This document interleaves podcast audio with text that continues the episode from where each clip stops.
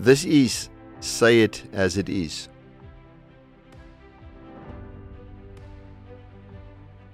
Theo de Jager, you are the president of the South African Agri Initiative.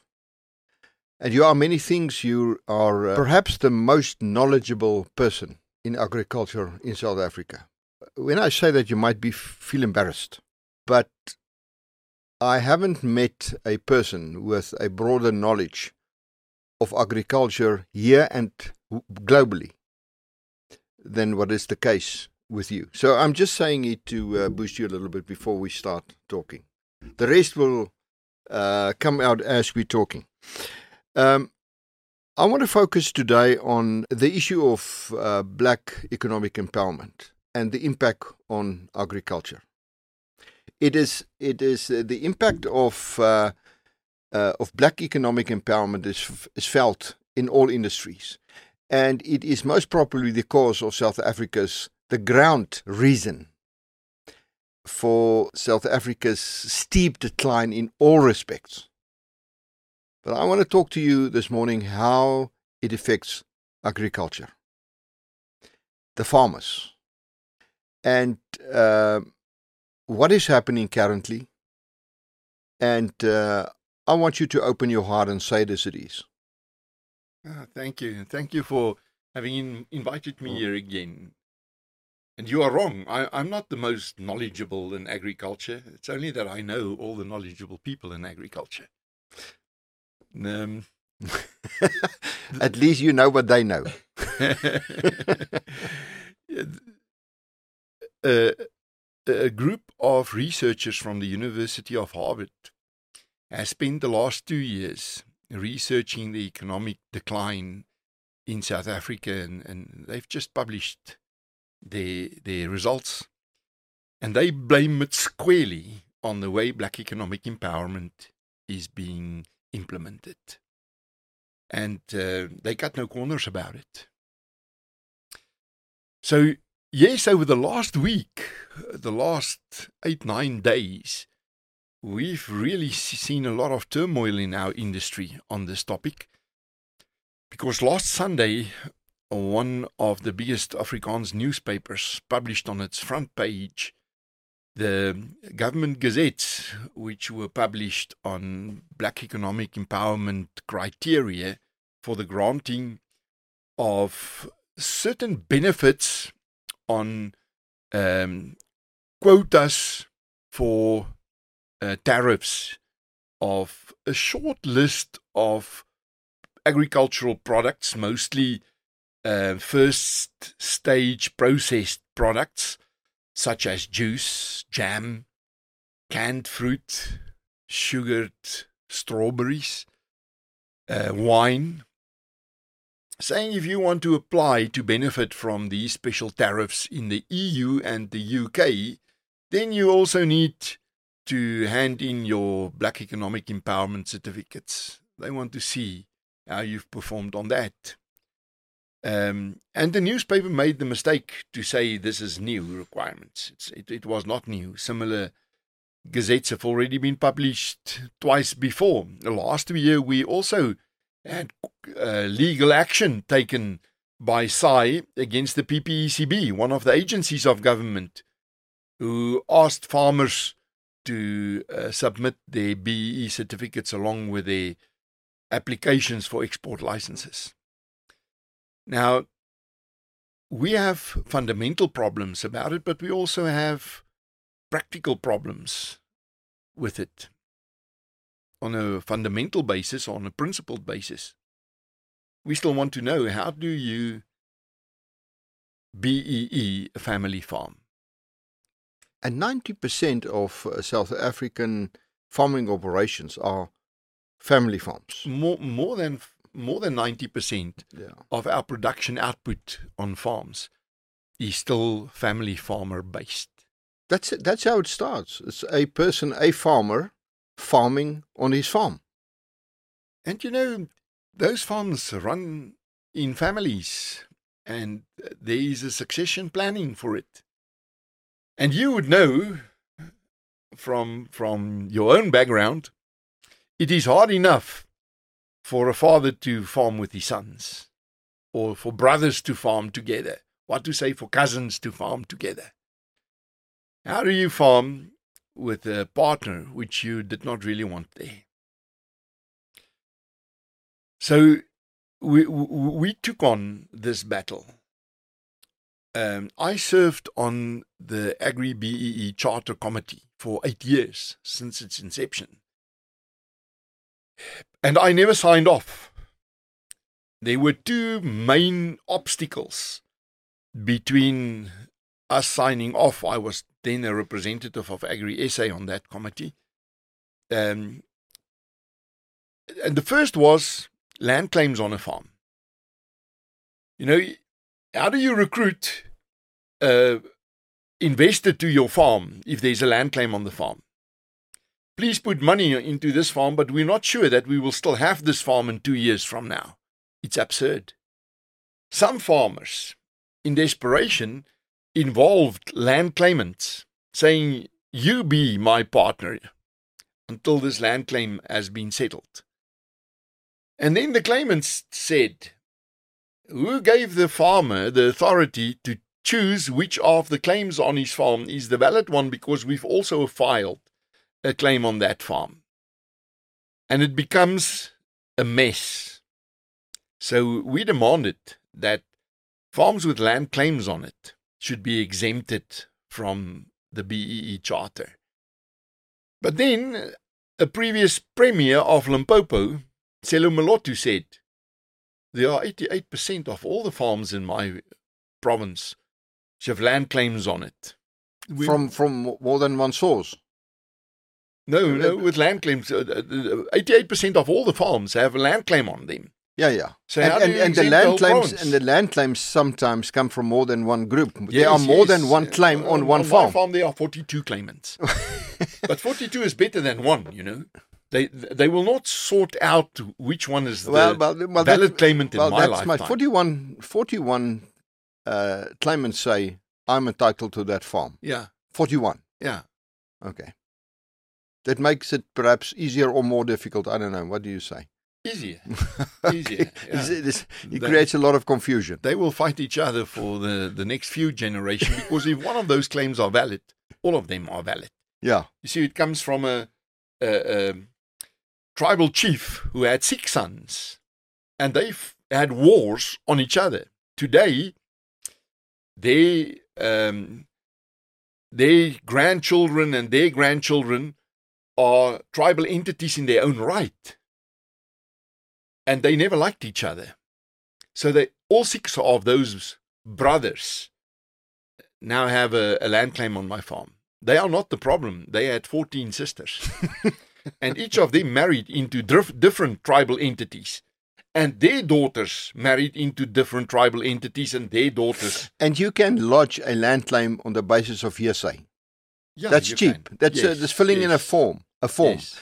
The fa- the farmer must uh, defend these claims and prove and, that it's not valid. And and in in in in your case, forty two claimants, and he has to protect himself against them, and he he out the money for that purpose. Yeah, it cost me as a farmer a lot of money to challenge this in court. Yeah, whilst government pays for the claimants. yeah. yeah. Which Continue. also comes from Con- my tax. Continue, please. Yeah. yeah. So when, when this uh, yeah, yeah yeah you pay for the guy that fights you yeah. you pay tax and they give your tax money to him to fight you to the 42 claimants yeah so in these BEE um, requirements were published, um, it has really split organized agriculture. a large number of commodity organizations, business organizations in agriculture, agri- and agricultural unions actually took sides with the minister, saying, this, this is not real trouble. It's only a small list of products which are affected. And it's only two countries, the UK and the EU. It's not really bothering us that much. Whilst the rest of us are uh, questioning the, the principle. The EU is not a country, it's a block of countries. Yeah, yeah. yeah. It's huge, actually. It is, it's yeah, a massive market. Yeah, yeah massive We said if you can allow this short list, what, what would stop her next year to triple that list, to expand that list tenfold or a hundredfold? What would stop her to expand it to other countries too? We should wring the neck of this principle right at the beginning, in step one of it. And sure, a few days later, Sakeliga um, revealed a classified document which they obtained through a, a PAIA application, in which the department um, explains its strategy to force farmers to comply to, to, to the BEE Charter by withholding licenses and permits, for example, a permit to export. So they they all the time had the plan to put on the pressure of farmers. And then we challenged those organizations too in the last two days to explain to the broader public and to the world their moral grounds for supporting the implementation of black economic empowerment principles on a family farm. And we came up with this imaginary scenario of having two friends, young people, young farmers, way too young to have been complicit in apartheid or to have benefited or be disadvantaged by it. Both who had the same qualification. They they were school friends and they studied together but the one guy still has a lot of debt on his farm and on his implements and on his production loans because he's white. And the other one got it from government. He's a beneficiary of land reform because he's not white. The white guy must bring in a black partner. The one who's not white, he can simply focus on expanding his business and his competitiveness. The white guy cannot appoint the best possible managers on every level of his farm. They will judge him on the color of the skin of his managers and the management control they exercise. Not only color of skin, some of them must also be women, in whichever definition of women you want to use today. The, the other one, he can simply appoint the best ones who also best fit into the ethos of his business. The white young farmer cannot buy the best quality or the cheapest or the closest inputs, fertilizer, diesel, seeds, mechanization. He is judged by the color of the skin of his suppliers. He is subjected to preferential procurement criteria, and also a certain portion of his profits must be invested in the communities around him. And it's not as if there is a sunset clause. The, the white guy cannot say, I'm working towards a day 10 years from now, or 5 years from now, or 20 years from now, when the playing field will be leveled. As it is written now, it's forever. We want to know how do you morally justify that? So, when I visited Uganda last week, this came up as a point of discussion between a few policymakers and influential business now, people. Just for somebody in the United States listening to this, Uganda is a country governed by blacks. 99% of the population in Uganda is black. Oh, 99.9%. And just for somebody somebody sitting somewhere and say, Where's Uganda?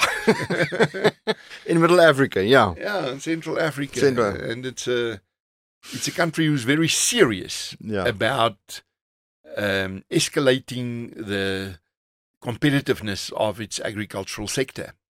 And they say, but this, for us, this sounds like the old fashioned apartheid just the the poles have been switched. Can't you, South African, just liberate yourselves from. Get over it now. Yeah, get over it now.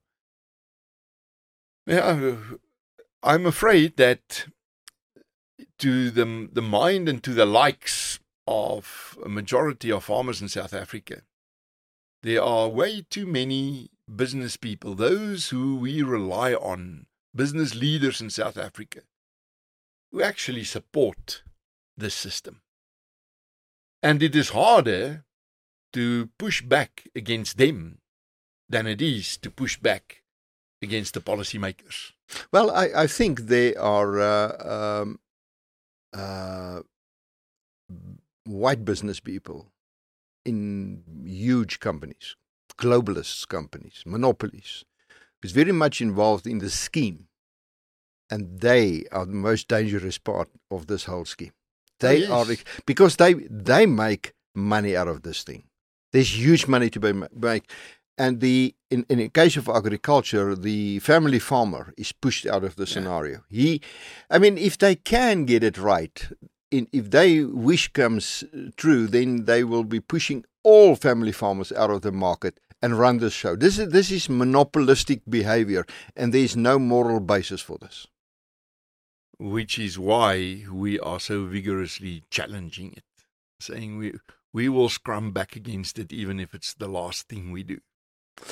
Do um, what what now? I mean, we're in the same. You know, you know. While you were talking about talking about, uh, um, you know, buying from a particular supplier. This is a bottle of water. If you drink, uh, and I'm just using, I don't have the figures now, but if you sit in SAA and you drink this bottle of water on the aeroplane, the amounts, the figures I'm using is not verified. I'm just using it. You can perhaps buy this thing because they buy it in their millions for a rand or two rand or three rand. But that's not what SAA is paying. They're paying much, much more because there's a lot of guys in the value chain that benefits through this bottle of water. Um, so they pay might pay 15 rand for a bottle of water. I want to emphasize I don't have this is not the right figure. But they benefit because in in the value chain between three rand and fifteen rand, there's a few mouths that need to be fed. That's why SAA cannot operate at a profit. That's why they're closing because that's not only happening with water; it's happening with each and every um, Everything. thing. There was a person that sat in my office, and he says his um, his business. Uh, uh, is involved in the maintenance and repair of a certain item. And he delivers it, that item, to the per- person that places the order. This is a white company, and we say it as it is here, for 25,000 Rand. And he said to me, I make money out of this. But when this item reach the final destination, the client pays 200,000 Rand for it. Now, between 25 and 200,000, uh, there's no value added whatsoever. Nothing. No value added. Here's, here's why we can't make it. Yeah. So there's a lot of mouths at this trough who eats and eats, and everyone swans off and everyone gets something out of this thing. We cannot make it if we continue with this. So what do we do? You might remember that um, a little more than a year ago, we had this big issues at our ports and farmers who complained that their fruit went rotten on the ports because it could not be shipped out. And load shedding was blamed for a part of it, and the infrastructure on the ports and the systems on the ports were blamed for it partially. But then one of the farmers told me this story. He said, one of the windows of these big cranes loading the containers onto the ship broke. And with industrial safety regulations, they were not allowed to continue operating this tra- uh, crane until a new window had been put in. And in the whole of South Africa, there were only two of these windows available. But unfortunately, the business which held them in storage was white owned. So they made him an offer. And he said, the Harbour Authority can buy it from me. I'm a one man business. Buy it from me. But they would not. They would rather wait for a month to import it from Europe so that it could be bought from a black person. And in the meantime, the crane was not operational. It becomes absurd. This is exactly the reason why, in civil society, the Solidarity Group could build a university in one year in a much shorter time than what they planned, lower than budget. No, no, not not not shorter time.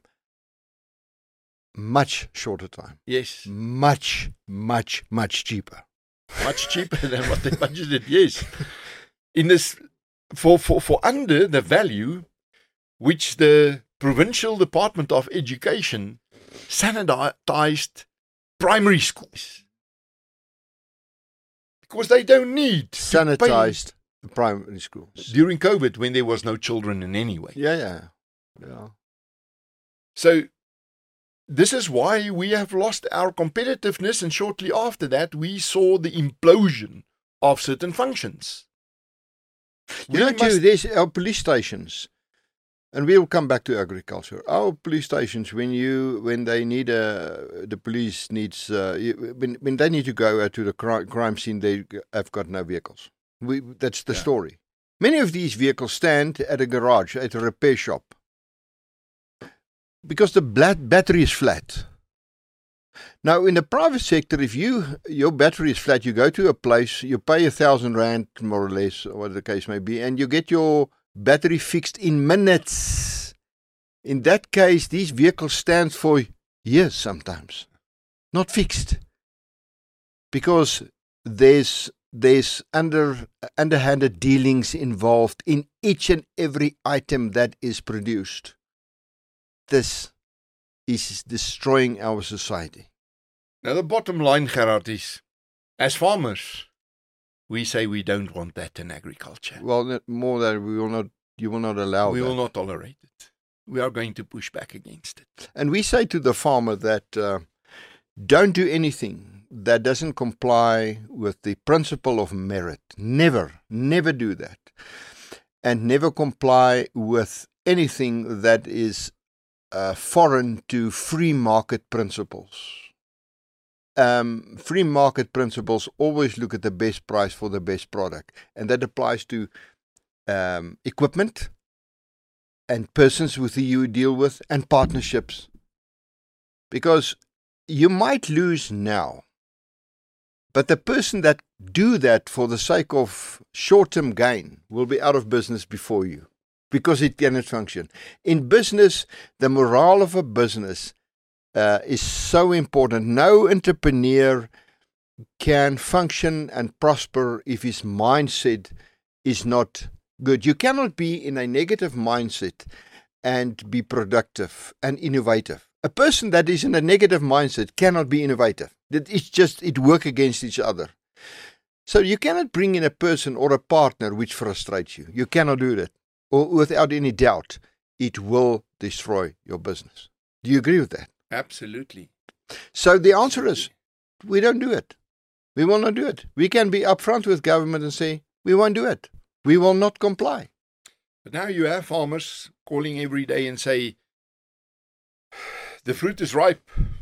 I need to pick it in the next few days. Then it must be exported. And I don't get my permit. Well, that's that's massive to, you. That's massive, and I mean, there's no immediate answer to that. But but even if that farmer says, "I will do what government," he, he cannot do it within days. So uh, there needs to be planned. There needs to be planned for this, and uh, but giving in to this will, in the long run, destroy yeah. your operation. Do you agree with that? Oh, absolutely, yeah. absolutely. You know, for such a small country, such a small group of farmers, about 32,000 of us, to maintain our competitiveness on the shelves of shops in Europe and the USA and China, Russia, um, and to be able to put the preferred product on, on, on that shelf. When it comes to quality, price, reliability without the assistance of government is it is not a given.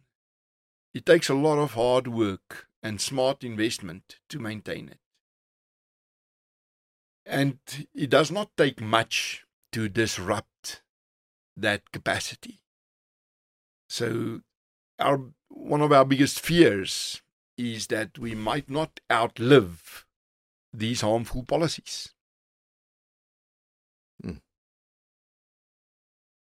Stu, I'm going to um, end this year. Um, I just want to thank you for your huge contribution in pushing back. Um, in South Africa, uh, part of doing business is pushing back. This is not a normal business environment. This is, in fact, a totally abnormal business environment. Secondly, the, the people that makes these rules I would say that 99% of them have never earned a cent through hard work. They haven't generated a cent. They live from our tax monies. And I, I want somebody in their ranks to come to us and say, Gerhard, that's not true. I've made my money through hard work. I said, maybe, maybe you've done some work, but you haven't generated money. And tax, enforcing tax on people is not generating money and they make the rules. They do this because they've got no clue how the market functions. Do you thank you for what you do and thank you for your friendship?